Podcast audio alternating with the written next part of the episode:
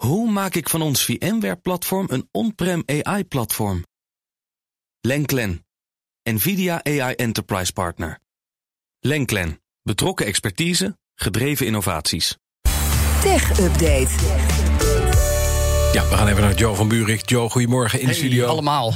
Wat een drukte hier. Allemaal, je moet iedereen nu dag gaan zeggen, Joe. Dat doe je altijd. Kom Maar maar op. serieus, Oké, hi Ivan, Geert-Jan, Bernard en Bas. Dag Joe. Daar gaan we. We zijn eigenlijk klaar. We hebben een belangrijke zaak. Ja, de techreuzen. Wat, wat, wat, wat fijn dat de maatregelen zijn afgeschaft, jongens. Anders had dit helemaal niet gekund. dat is Wel waar. waar. Ja. Goede timing wat dat Ja, het betreft. is waar en iedereen heeft zo'n beetje corona gehad. Dat ook. Hoop ik. Eh, ook de techreuzen strijden mee tegen Rusland. Ja, want eh, het moederbedrijf van Facebook, Meta, komt met een eigen bericht. Ze hebben twee groepen tegengehouden die digitaal proberen te beïnvloeden. Eén daarvan is Ghostwriter. Die kennen we van een tijdje geleden nog toen ze Duitse overheidskopstukken probeerden te hacken. Nu hebben ze geprobeerd social media accounts van Oekraïense bekende mensen over te nemen. En in sommige gevallen lukte dat. Dan plaatsen ze ook nepvideo's van Oekraïense soldaten die zichzelf overgaven aan de Russen. Daarnaast is er een netwerk hackers opgerold dat zich voordeed als onafhankelijke nieuwsorganisaties en tientallen nepprofielen maakten om op social media te trollen. Verder, en dat is dan wel echt groot, eh, Facebook en Google blokkeren advertenties van de Russische staatsmedia. Gisteren natuurlijk al bericht dat in Europa eh, de kanalen RT en Sputnik worden geweerd. Eh, en dat geldt nu dus ook voor de mate waarin zij inkomsten kunnen genereren op platforms van Facebook en Google. Dus ook YouTube. Daar worden ze toch nog veel bekeken. Dat kan nu allemaal meer, in ieder geval niet wat betreft inkomsten. Ehm, en Meta negeert daarmee ook het bevel van de Russische telecomwaakhond. Die sommeert ze om daarmee te stoppen. En ook met het factchecken van de content daar. Eh, en op zijn beurt heeft Rusland Facebook nu eh, afgeknepen in eigen land. Ook Twitter is daar nu geblokkeerd. Ook advertenties worden daar geweerd om inmenging te voorkomen, volgens een verklaring. Ehm, maar dat gaat zelfs nog een stap verder. Want in Rusland kan niemand op dit moment een Twitter-account aanmaken. Ja. Hey Joe, Ja, wat is dit?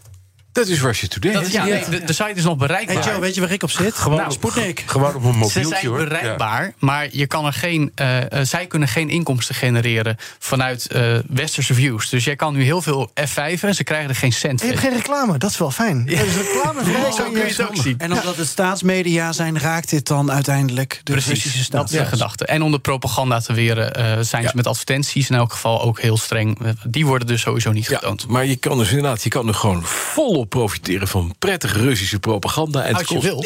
Klaar. Ja, nou ja, maar ik hoorde Bernard gisteren zeggen dat hij het wel bij wil houden om te zien wat ze, wat ze roepen. zeggen. Ja, dus daar is goed. wel, wel iets voor te zeggen. Je wil het niet op zwart Ze zetten. spinnen van alles. De oorlog in Oekraïne zet vraagtekens bij de internationale samenwerking in de ruimtevaart. Ik denk ineens, oh ja, Ja. het International Space Station. Nou, dat denk je Want heel er goed. zitten nu, nou, eh, twee Russen, vier Amerikanen en één Duitser. oké, dat wordt vecht om de wc. Nou, dat sowieso.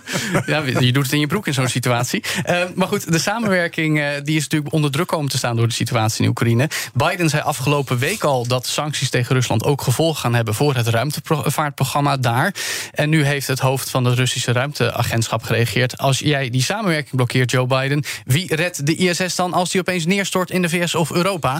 Hij vliegt niet boven Rusland, dus het is niet ons probleem, zegt al.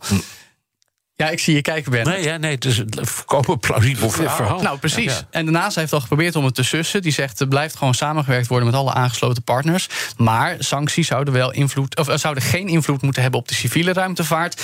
Russen geven aan dat ze wel blijven evalueren en zinnen op verdere reacties. Ja, maar dat is, dat, ik moet zeggen dat, dat Space Station heeft door de tijden heen, ook tijdens de Krimcrisis, gewoon alles doorstaan. Hè? Die samenwerking is altijd gewoon keurig Ja. voortgezet. Nou ja, kunnen die, die zeven mensen in de ruimte, die Russen, Amerikanen en die ene Duitser, kunnen Ja. die niet de onderhandelingen doen? Dat is Ja. een neutrale plek, dus in theorie. Nee, we hebben binnenkort de- vrede. Er, er is nog iets. Het, Ja. enige, het enige transportmiddel dat al die jaren gewoon werkt, die altijd, Soyuz. is de Soyuz. Ja, Al vanaf 1956. Dus op een bepaald moment stappen ze er allemaal in en dan komen ze terecht in Kazachstan. Het is Ja. niet anders. Ja. Nou ja, maar over die Soyuz gesproken, dat is ook nog een dingetje. Want er is ook nog de Europese eh, eh, het ruimtevaartproject waar Rusland mee samenwerkt. Eh, vanuit Frans-Guyana zouden in april Soyuz-raketten gelanceerd worden voor de infrastructuur van de projecten Galileo en Copernicus.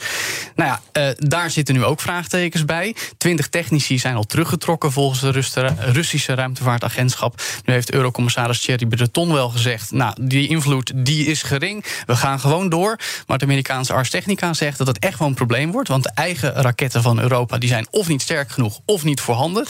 En komen ze daardoor in handen van SpaceX terecht om überhaupt dit programma door te laten gaan. Allemaal waar, maar hoe lang zijn ze met deze programma's al niet bezig? Met dat Galileo. Ja, 170 jaar geloof ik. Ja, En we- drukmiddelen. En we werken gewoon nog steeds Ja, met, de, met de Amerikaanse navigators. Laten we eerlijk dat wezen. is, dat is helemaal waar, precies. En met GLONASS, hè, het eh, Russische systeem... wat ook eh, in, het, in het buitenland is. Weet je waarom ze in het ISS niet samen kunnen, kunnen vergaderen? Nou, Past geen lange tafel in. dat is wel een ding. Dankjewel, Jo van Buurik. De BNR Tech Update wordt mede mogelijk gemaakt door Lenklen. Lenklen. Betrokken expertise, gedreven resultaat. Hoe maak ik van ons VMware-platform een on-prem AI-platform? Lenklen. NVIDIA AI Enterprise Partner. Lenklen. Betrokken expertise, gedreven innovaties.